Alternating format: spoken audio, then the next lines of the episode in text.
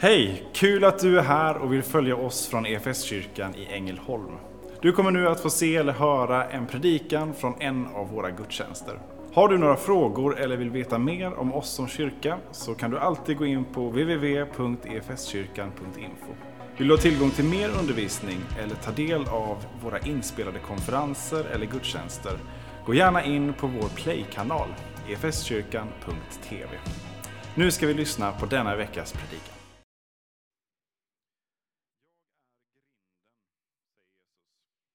Det här är nu en bit in i vår faste och påskserie som låter Johannesevangeliet och Jesu egna evangeliet få berätta för oss vem han är.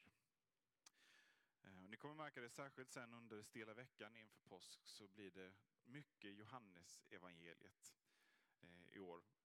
Tycker man inte att det här räcker, eh, det vi hinner förklara på 20 minuter en söndag så har vi också en bibelläsningsplan. Ett helt fastekit har vi egentligen. Det finns nere vid korset där. En bibelläsningsplan för eh, hela fastan ända fram till påskdagen. Eh, ett andaktsljus och också en liten fastebössa som man kan få pilla ihop själv, lite pyssel. Eh, på påskdagen så tar vi upp en stor kollekt till EFS mission och då kan man få ta med sig den här bössan är det inte så mycket kontanter så ha den ändå hemma som en pedagogisk påminnelse om att swisha in till missionen istället. Johannes evangeliet. Det är, det är ett annat evangelium än de, ja, det är inte ett annat evangelium, det är samma evangelium, evangeliet om Jesus Kristus, men det är annorlunda än eh, Matteus, Markus och Lukas. De tre första de hänger ihop och Johannesevangeliet, det står eh, rätt så mycket på egna ben. Det är mycket unika eh, vittnesmål om Jesus där. På onsdag kväll Eh, har vi växa vidare och då tänkte jag få grunda Johannes evangeliet för oss och ta liksom boken, ett helhetsgrepp. Också en bra förberedelse inför påsken. Men det vi vill göra här nu det är att vi tar de här sju ställena i Johannesevangeliet där Jesus säger jag är och lägger väldigt tryck på det. Jag är. Och så kommer en sanning om Jesus.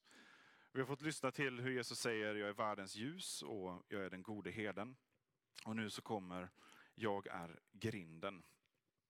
Som Jonas sa innan, det, de andra de är kanske bekanta, den här kommer lite från vänsterkanten. Liksom.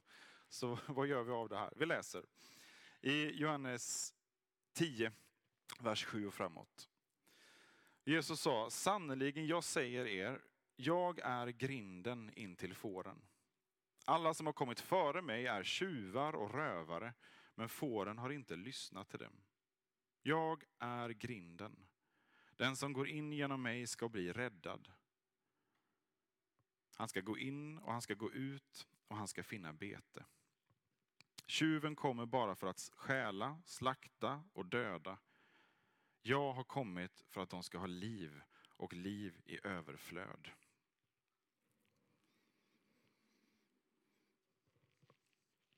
Det här kommer precis intill, mitt i, Eh, när Jesus säger, talar om sig själv som den gode herden. Och det kommer eh, strax efter att han har talat om sig själv som som världens ljus. Och allting det här är egentligen ett svar på, eh, på kritik. Jesus har utfört ett helande, en man som har fått synen tillbaka. Eh, och han blir kritiserad för det här. Han gör detta i Jerusalem och ledarskapet i Jerusalem är på tårna för den här eh, specielle speciella mannen Jesus som får folk med sig och där det verkar hända saker runt omkring och som inte rättar sig i ledet som inte faller in i farisepartiet eller saddukepartiet eller ens esséerna. Han är liksom, han gör någonting eget. Och samtidigt så är det bara tillbaka till bibelordet. Det är inte någonting nytt. Vem är den här mannen? Och så ger Jesus eh, svar på det här gång på gång. Och säger jag är grinden. Vad betyder det då? Jag är grinden in till fåren, till fårens hus eller till fårfållan. hur många har koll på hur en fårfålla såg ut för 2000 år sedan? Ja, det var inte lika fancy som, eh, eh, som våra hagar idag kanske med elstängsel och grejer. Eh, vi tar upp en bild, ska vi se om vi kan få här. Det kunde vara en grotta som låg lägligt till. Eh, och så använde man den som skydd eh, på natten.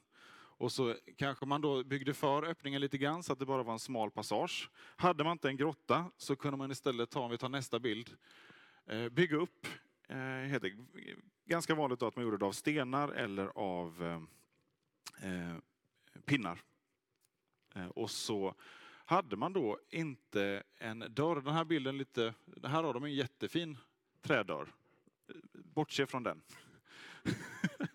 och så tittar ni på vem som sitter i dörren istället. Där har vi eh, heden eller eh, väktaren. Därför att heden och grinden var många gånger synonymt. Det var heden som med sin kropp utgjorde grinden till, eh, till fårfållan.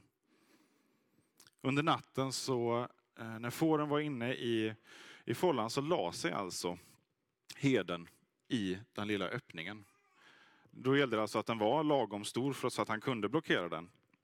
Eh, och, och som sagt, använder man en grotta så kanske man byggde igen lite grann då för att det skulle, skulle täcka tillräckligt. Och så, så levde herden med sina får. Ropade in dem på kvällen, släppte in dem eh, en och en i follan, kanske kollade igenom om det var några skador eller någonting som behövde ses över efter dagen. Och så in på natten och sen så lägger sig herden och är grinden till fårfållan. Så att inga får kan eh, i panik efter en mardröm eh, springa iväg Eh, men inte heller eh, något eh, rovdjur eller något tar sig in utan att heden då märker det. Och så på morgonen släpper ut dem och sen under dagen så var det ingen dörr. Utan då kunde man, om man betade i närheten, då var det fritt att gå in och ut. In, kanske söka skugga i något hörn, ut, käka lite. Och så hade heden då koll på, på fåren under, under dagen. Och den här follan, det är liksom det enda skyddet som fåren har under natten. Och det som är avgör om det faktiskt är ett skydd, det är att heden utgör den här grinden. Man passerar, man blir kallad in av heden och man passerar grinden in. Och så får man skydd undan nattens mörker. Så när Jesus säger det här så är det som ett sätt för honom att upprepa det han redan har sagt gång på gång då, det handlar om mig. Och det blir så oerhört provocerande för de som lyssnar. Därför att de vet ju att det handlar ju om Gud. Och så får Jesus det att handla om sig själv. Och underförstått alltså, så är han inte bara en av folkets herdar, utan han är heden han är grinden. Han är vägen in. Han är Guds son. Det här är någonting mycket mer än bara en vanlig lärare. Vanlig mänsklig visdom. Och det här är inte mindre kontroversiellt idag. Att det handlar om Jesus. Att det är på honom som allting kommer an. Vi har kanske då istället, vi tänker att men förr var folk så religiösa, det var så självklart och sådär. Men det, är, det var kontroversiellt då, det är kontroversiellt idag. Man tänkte då att det fanns, ja, men det fanns så många olika grindar och dörrar man kunde gå igenom. Och det var liksom legio i, i hela den antika världen att det här folket hade sin gud, eller den här staden hade sin gud. Reser jag till den här staden, ja då offrar jag till den guden så att eh, det går mig väl medan jag är här. Och sen så har jag min hemgud som jag också tänker på. Och så levde man liksom i det här. Inte alls olikt vår kultur om att allting är väl egentligen sant på samma gång fast ändå inget då. Och så, eh, och så kommer det här påståendet, ja, men det är, det är jag. Och det är in genom mig. Det är min väg, säger Jesus. Det är där räddningen finns. Det är när du går in genom mig, alltså när du följer mig, säger Jesus. Det är bara där skyddet från den här världens mörker finns. Det är bara där möjligheten finns att få, få liksom ditt liv genomlyst. Och där Jesus, den gode herden, tar hand om dina sår, dina skador. Han är vägen in till beskydd och till vila. Till helande. Men han är också vägen ut till friskt vatten och till bete. Där han leder vägen till det som bygger upp. Genom en snårig, förvirrad, många gånger ganska så farlig och mörk värld. Och han lovar, om vi följer honom, om vi går in genom den här grinden, att vi ska få liv och liv i överflöd. Vad är då liv i överflöd? Vi har löftet om, om evigt liv. Att det slutar inte med vår jordiska död. Vi har löfte om och hoppet om att Jesus har övervunnit döden. Och därför så finns evigt liv tillsammans med honom.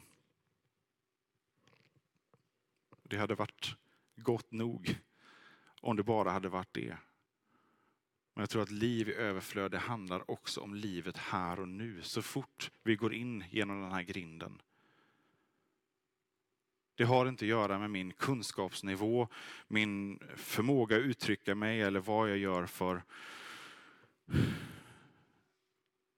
Följer jag Jesus så finns det liv i det spåret. Så många människor genom historien kan vittna om det. Liv i överflöd. Och vad är då det? Liv i överflöd. Är det ett långt liv? Nej, du är inte garanterad ett långt liv. Är det ett lyxigt liv då? Ett, ett alltså, liv i överflöd? Ja, nej, det är inte det överflödet. Det är ett lätt liv. Nej, snarare så ligger också löftet om att möta lidande och svårigheter som kristen när du följer Jesus. Att dela hans lidanden. Och ändå så är det ett liv i överflöd. Därför att följer vi Jesus, då följer vi honom i vilken, till vilken, av vilken, genom vilken hela världen skapades. Han som är livets ursprung och livets mål. Där finns ett fullt liv. Mitt i svårigheter, mitt i den kamp som du och jag bär personligen, den kamp som vi bär tillsammans i den här världen. Mitt i det så finns ett liv i överflöd hos Jesus. Det kan ta tid att se det. Därför att vi är vana vid att tänka på den här världens sätt. Om vad som är överflöd, vad som är vad vi kan förvänta oss av ett bra liv. Men följer vi Jesus och vi kommer till den insikten att ja, men jag, eh, det finns saker i mitt liv som jag inte är stolt över, inte glad över, som jag skäms över. Saker som eh, ställer till problem, inte bara för mig utan också för människor i min närhet. Och som gör att jag tycker det är svårt att se Gud, förstå Gud, höra Gud. Samlingsnamnet för det här, synd. Följer vi Jesus, att följa Jesus det innebär att få lämna, som vi sjöng här innan, allt det här lämnar jag till Jesus. Inte bara allt av det goda, inte bara kollekten, för att vi sjöng den när vi tog in kollekt, utan allt. Som i syndabekännelsen innan. Allt skit genomlyst, fullständigt genomlyst.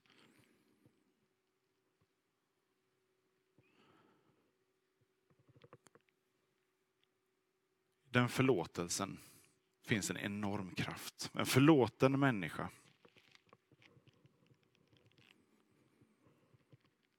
har oanade möjligheter. För oss själva så är det väldigt svårt många gånger. Är vi sårade? Eller har vi sårat någon? så kan det sitta långt inne både att be om förlåtelse och att förlåta. För Jesus Kristus ligger det väldigt nära till hans. Det är det han jobbar med. Att öppna vägen till och att ge förlåtelse och upprättelse. Så många gånger som sju gånger. Ska det verkligen vara så? För samma sak? Frågar hans lärjungar. Nej, inte bara sju gånger. 70 gånger sju gånger svarar Jesus. Gång på gång på gång. En förlåten människa har inga illusioner längre om sin egen förträfflighet eller ens om andra människor. En förlåten människa behöver inte vakta sina rättigheter krampaktigt med taggarna utåt. En upprättad människa behöver inte vara snabb att döma andra därför att en upprättad människa känner sin egen svaghet och har inte längre några illusioner om andra människors förmågor eller oförmågor.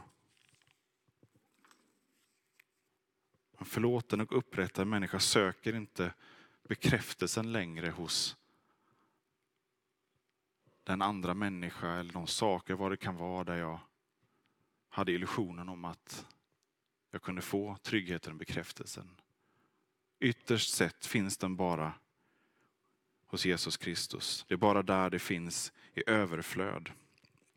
Det är bara hos Jesus jag har min trygghet. Det är bara där jag har allt.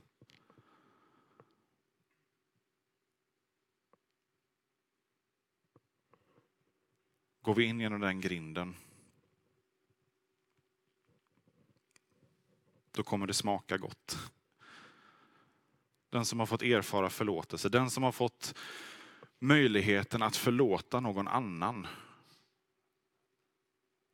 för någonting svårt den har gjort. Eller den som har fått ta emot förlåtelse efter att du har brutit ett förtroende. Så att det har skadat din relation med den personen. Om du har fått erfara den förlåtelsen så vet du vilken en kraft det finns i försoningen. Det här är inte bara mellanmänskligt utan det här är på gudomlig nivå. Och där ger Jesus också kraft att följa honom i det exemplet. Och så tänker du så här, men jag har varit kristen länge och mitt liv doftar inte bara Kristus. Det doftar också fårskit. Det är för att vi behöver gå in och gå ut och gå in och gå ut i den här grinden gång på gång. Vi är inte, det är inte en quick fix, det är en vandring tillsammans med honom. Vi behöver gå in gång på gång. Vi behöver gång på gång få ta emot den här förlåtelsen och vi behöver gång på gång öva oss i att ge den vidare när vi ställs inför det.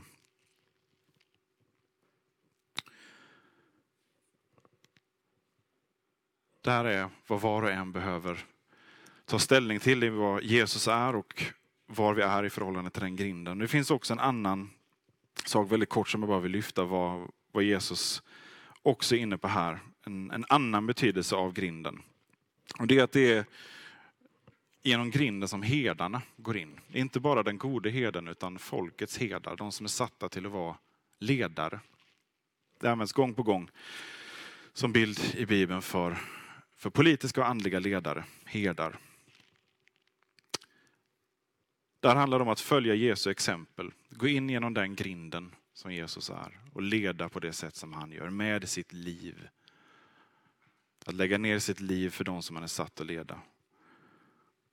Men Jesus säger att gång på gång, alla som har kommit före mig, jag tror inte han menar bokstavligen alla personer, alla ledare. Det är uppenbart. Han ger Mose cred till exempel och andra goda ledare. Men Tjuvar och rövare, de tar inte den här vägen. Det finns ledare som har tagit sig in andra vägar, klättrat över gränser och murar och inte tagit Jesu ledarexempel. Och jag vill att vi ska vara vaksamma på det här också i vår tid. Det finns tjuvar och rövare som tar sig in i fårfållan, alltså som ger sig på att agera som ledare för församlingen utan att göra det grindvägen, utan att följa Jesu exempel. Kanske kan man eh, likna det vid tjuven som smyger in i skydd av mörkret och man upptäcker först efter en tid att, att det har varit inbrott, att någonting saknas. Eh, ett ledarskap som är, ser väldigt gott ut på eh, ytan, otroligt fromt och fint. Eh, och sen efter ett tag så uppdagas att människor har farit illa. Men det finns också rövare där det är, det är våldsamt och där det är, eh, man kan ana ganska direkt att det är, här är någonting som inte står rätt till. Även om det är svårt kanske att sätta fingret på det. Därför att det händer mycket och det, den här personen får mycket gjort. Mycket frukt säger man, om man räknar på ett visst sätt.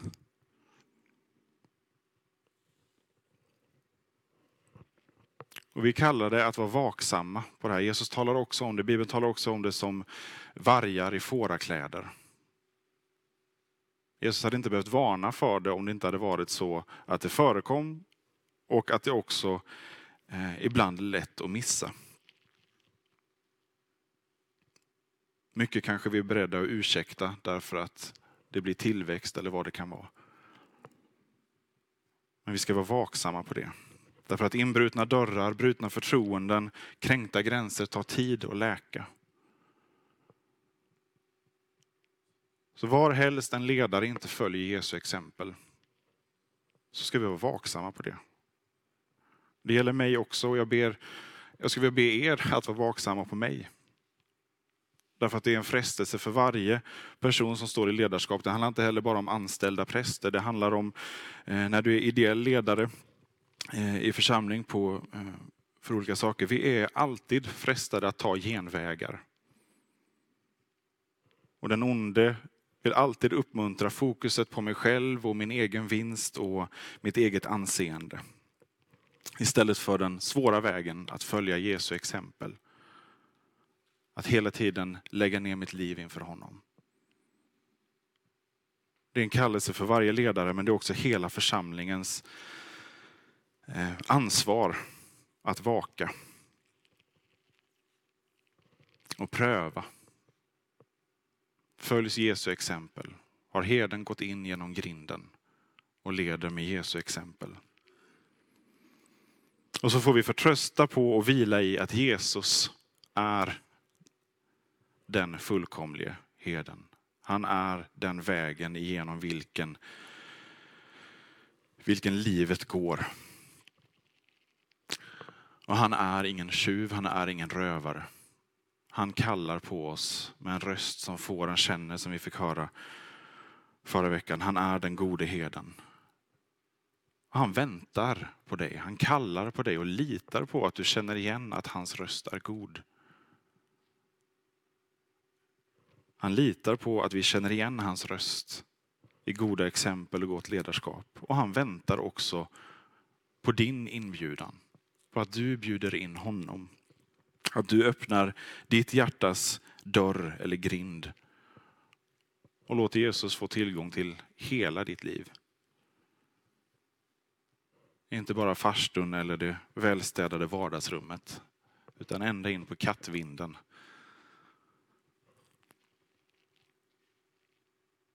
Allt annat, mänskligt som andligt, är otillräckligt och därmed bristfälligt och brustet. Och det är bara Jesus. Bara Jesus som kan ge liv och liv i överflöd.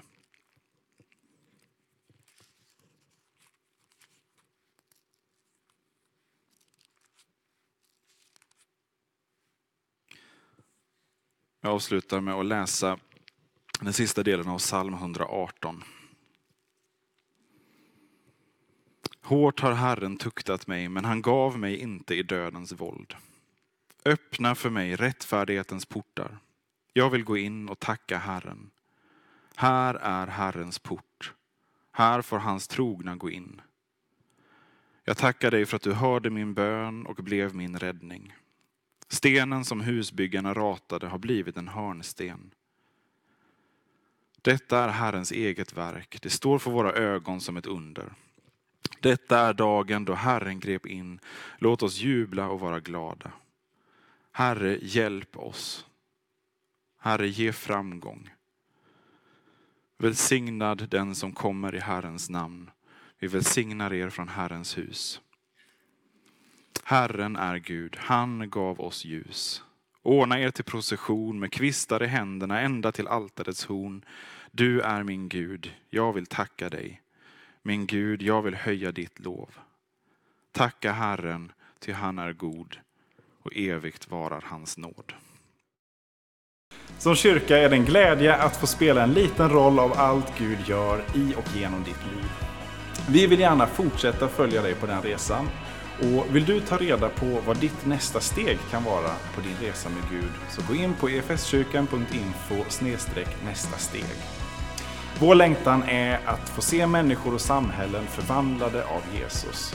Genom en kyrka som återspeglar Guds hjärta, bär varandra och betjänar människor varhelst vi befinner oss varje dag.